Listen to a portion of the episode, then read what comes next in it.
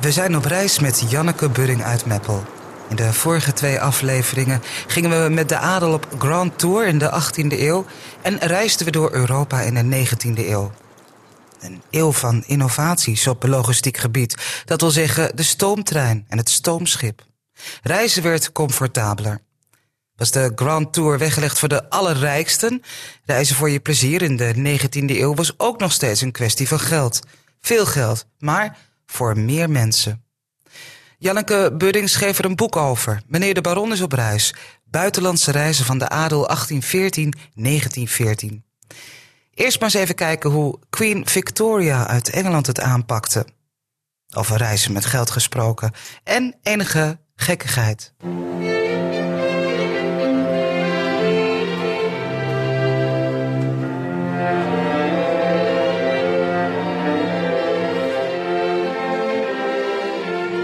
Ze had ook haar eigen uh, ezeltje, wat dan wel van oorsprong Frans was, Jacot, die zich gered had uh, van, een, uh, van, van, zijn eigenaar die hem mishandelde. En zij gebruikte hem. Zij nam hem dus oh, heen en weer met haar.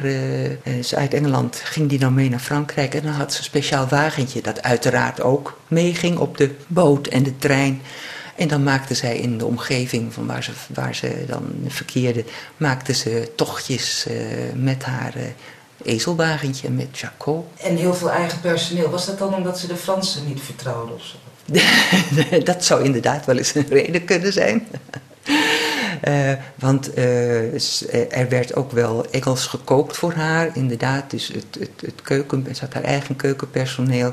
Dus dat zal zeker, uh, zal dat zeker een rol gespeeld hebben. Ja. Ik lees in je boek dat het ook allemaal gekker kan. De Maharajas die namen ook uh, levende haven mee? Ja, ja die, die deinsden er niet voor terug om, hun, uh, om een stel olifanten uh, mee te nemen. Ja, wat ze daarmee wil, ja, misschien een rijtoertje houden. Dat, lijkt is het enige eigenlijk wat ik, uh, wat ik me kan verzinnen, wat ik kan bedenken. Of zou dat een variant zijn op Nederlanders die de caravan vol zetten met potten pindakaas en aardappels? en dat ze dat in de 19e eeuw ook deden? Nou, ik denk niet dat die olifanten beladen waren met uh, lekkernijen. Nee, we nemen onze eigen spullen mee of zo. Nee, dat denk ik niet. Nee, denk ik niet. en ze namen ook natuurlijk ook, zij namen nog weer meer bedienden mee. En dat moest allemaal ook maar ondergebracht worden natuurlijk. Zowel de levende haven als, uh, als de bedienden. Maar het is de tijd dat je, dat je het je ook nog kunt veroorloven, veel personeel als je geld hebt. Ja, zeker. zeker. En het is ook het heel gewoon. Het zou heel ongewoon zijn wanneer je, als je een bepaalde stand had, wanneer je geen personeel had. Dat, daar zou men uh, de wenkbrauwen over fronsen. Jullie hebben samen ook nog wat uh, plekken bezocht voor dit boek, denk ik. Um, kun je daar wat over vertellen? Um, nou, voor, uh, voor de Grand Tour hebben we inderdaad wel een aantal. bijvoorbeeld toen we in, in Italië hebben we een, de, de, gezien wat er nog stond van een, een hotel wat beschreven wordt door een Engelse reiziger in de, in, die op Grand Tour gaat naar Italië. William Beckford heet hij. En die daar een, een, uh, uh, het als een heel spookachtige omgeving ervaart. En een donkere, koude kamer waar dan ineens het blijkt te krioelen van de katten. Dus hij is ontzettend blij dat hij de volgende morgen weer dat verlaten, heel hoog gelegen. Het is een kasteel geweest van de Medici's en later is het dus een hotel geworden. Um, waar, wanneer hij daar verblijft. Maar is hij heel blij dat hij weer, uh, weer verder kan gaan naar dat verblijf. En daar hebben we bij, daar hebben we bij we hebben nog uh, de, de, de, de Drenkensbak gezien met het wapen van de Medici's daar nog op in steen uh, gehouden. Waar de paarden die de postkoetsen trokken en waar ze de ruiters natuurlijk ook op, op reden. Waar de paarden konden drinken. Als je mocht kiezen, het, het kan, iets met een tijdmachine. Waar gaat je voorkeur naar uit? De Grand Tour de 18e eeuw? Of met de rijke Europeanen op reis in de 19e eeuw? Nou, dat laatste zou in elk geval wel een stuk uh, comfortabeler zijn, ja. dus ik denk dat, ja, dat ik dan toch zou kiezen voor uh, op reizen met meneer de Baron en dan in, in de 19e eeuw. Ja, ja toch comfortabeler, veiliger. Uh, je kunt ook in kortere tijd kun je meer zien, want met het langzamere vervoer, uh, de koetsen van de Grand Tour, was het reizen natuurlijk ook heel langzaam. En, en, laten we niet vergeten dat voor je gezondheid dat dat ook een, een behoorlijke aanslag kon zijn.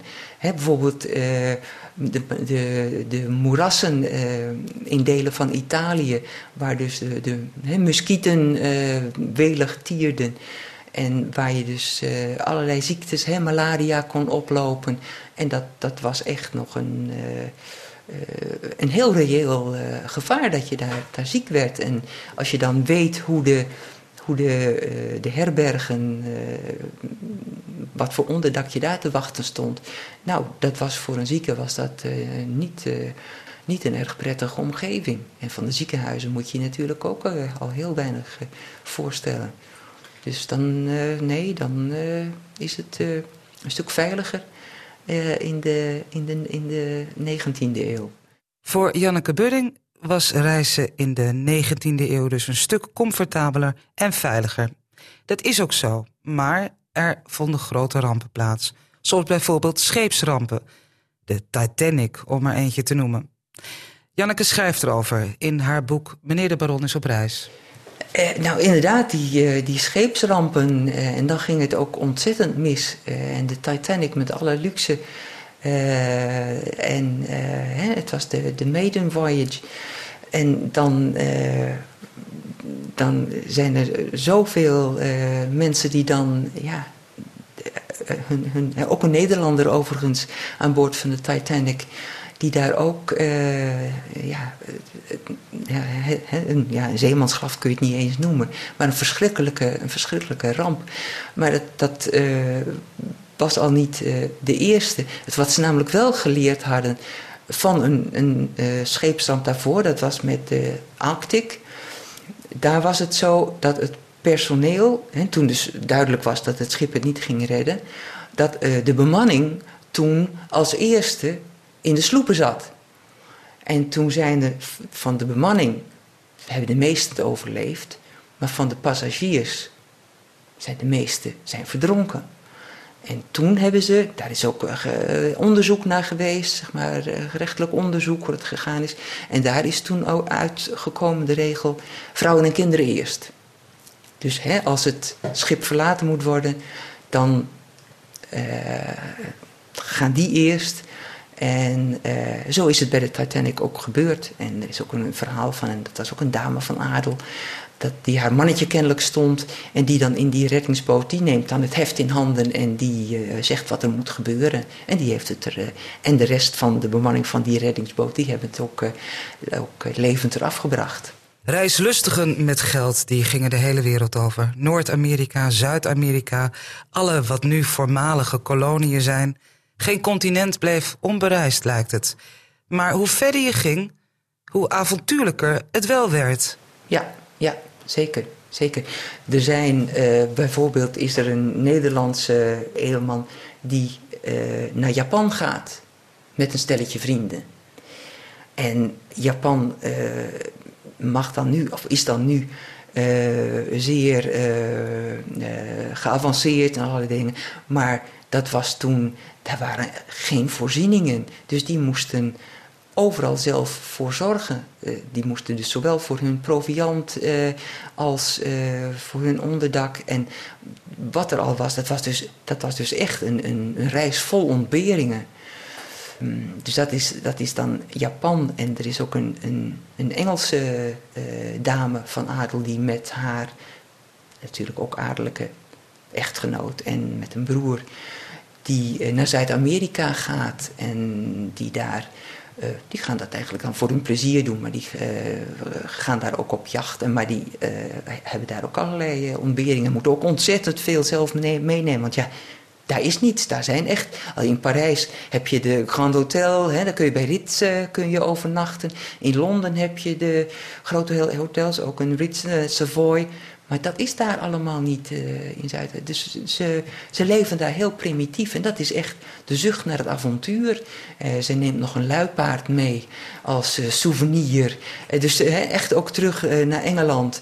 Maar dan op een zeker moment, ja, dan gaat het toch niet goed. Hij ontsnapt een keertje en dan, ja, dan moet hij toch gedood worden. Maar dat was, zij ging echt voor het avontuur.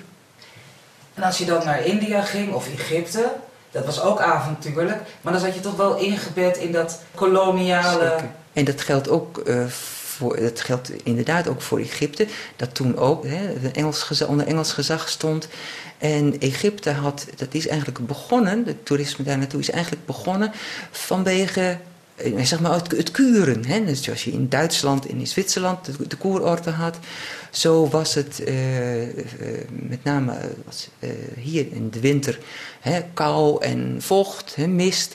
Dan was het klimaat in Egypte werd juist voor mensen, vooral met mensen die met adem, met, hè, met hun longen problemen hadden, was dat een ideaal klimaat. Dus uh, dat is uh, uh, ja, populair geworden aanvankelijk. Dus als oord, als, ja, eigenlijk om, als een sanatorium. Hè, een van dat later een hotel, een chic hotel werd. Dat is eigenlijk ook begonnen als een sanatorium.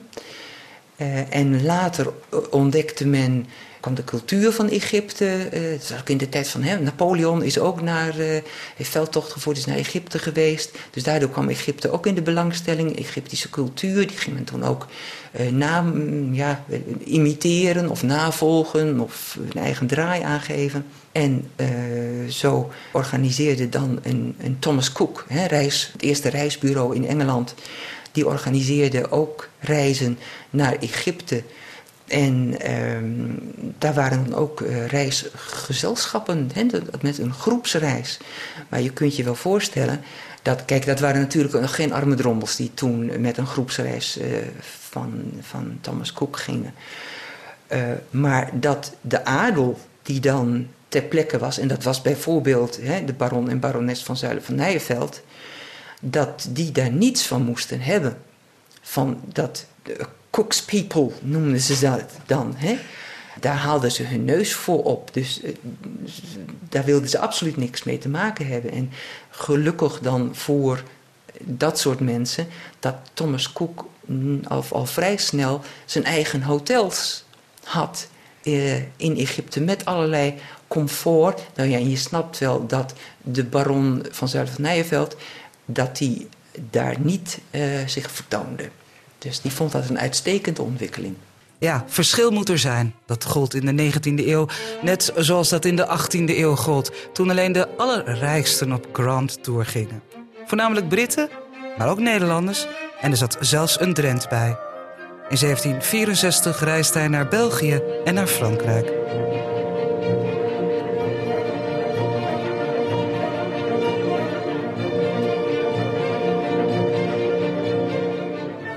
Ik heb al verteld dat uh, Sigismund Pierre Alexander van Heide Rijnestein, die dus uh, op Laarwoud woonde, drost van Drenthe was, dat hij toen hij 24 was uh, naar Parijs en naar Brussel reisde met een aantal adellijke companen.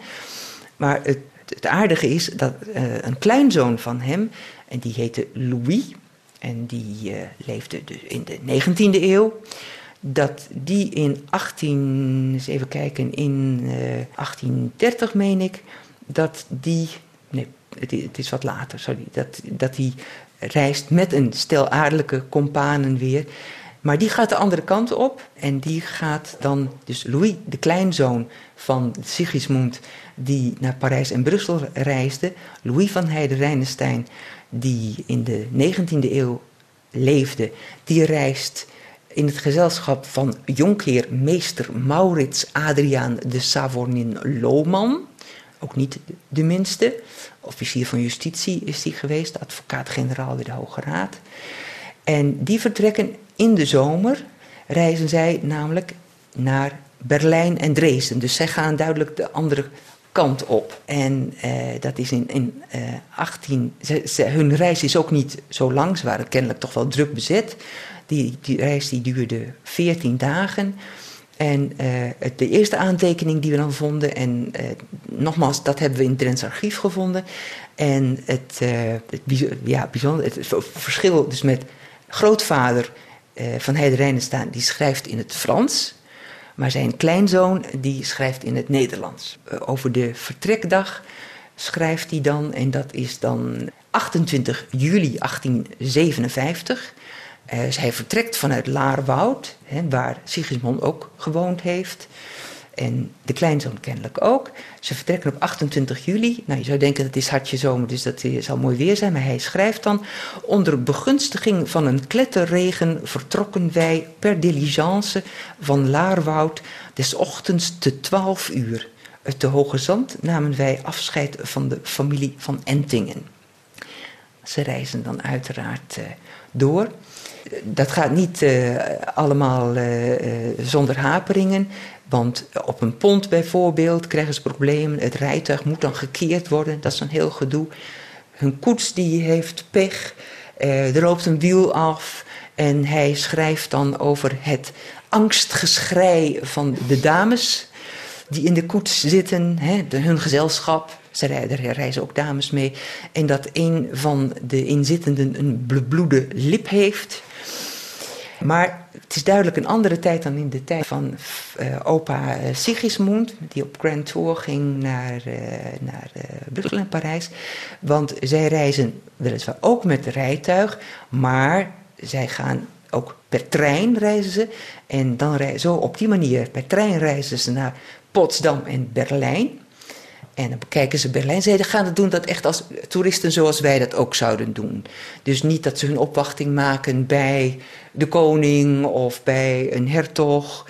Zij uh, volgen gewoon de, nou ja, de, zeg maar de, de, de bezienswaardigheden die, uh, die wij ook zien. Bijvoorbeeld gaan ze onder de linden uh, gaan ze promenade plegen. Nou, dan gaan ze naar Potsdam. Dat doen ze dan wel weer met de diligence. Daar hebben ze een, concert, uh, wonen ze bij, in de Schlosskarten. Uh, dan reizen ze door naar Dresden, wat uh, natuurlijk ook niet een hele belangrijke stad was. En Pilnitz, daar is ook een, hebben ze ongetwijfeld het kasteel bezocht, dat wij ook bezocht hebben toen wij daar waren.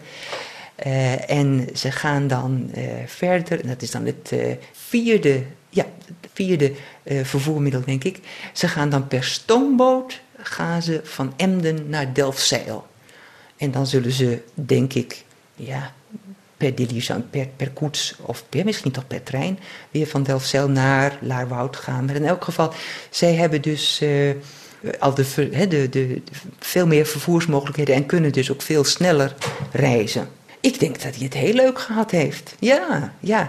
Want uh, hij, uh, het is niet zo. Zij, hij had uh, het gezelschap. Hè, ze waren met jongelui. Uh, er was niet een gouverneur die ze bij het handje wilde nemen om te vertellen wat ze zouden moeten bekijken en wat ze ervan zouden moeten vinden. Dus ze konden gewoon hun eigen, hun eigen gang gaan. Dus ik denk dat ze dat zeker leuk ge gevonden hebben. En, en die Louis, dus de kleinzoon die ook op Laarwoud woonde, die is nog uh, veel meer aan het reizen geweest. Want daarvoor is hij al, in 1827 is hij naar Leuven geweest. In datzelfde jaar is hij ook naar Gent geweest. Uh, dan gaat hij nog weer naar Duitsland, naar Darmstadt. Uh, het reizen was veel gewoner. En het was dus absoluut niet meer zoals, zoals in de tijd van de Grand Tour. Dat je dan één keer in je leven een lange reis maakte. En dat was het dan ook. Daarna werd je een gezetteld, nou ja, edelman. Vervulde je plichten, ook in de rechtspraak, met name in Engeland. Eh, je was de eigenaar van een landgoed. Maar dat is dus in de loop van, ja, in de, loop van de tijd, en met name in de 19e eeuw, is dat dus heel anders geworden. Reizen voor je plezier en ja, ook reizen voor je, voor je gezondheid. En dat was natuurlijk ook best heel goed eh, mogelijk om daar een goede combi van te maken. En je kon het al altijd gooien op je gezondheid, terwijl eigenlijk dat plezier misschien uh, wel zo belangrijk was. Als je daar ter plekke was in een koeroord. Als je maar geld had. Ja. Drie afleveringen lang luisterde je naar Janneke Budding uit Meppel. Ze schreef eerder al een boek over de Grand Tour en recent kwam haar nieuwste boek uit, Meneer de Baron is op reis, Buitenlandse reizen van de adel, 1814-1914. Thank you.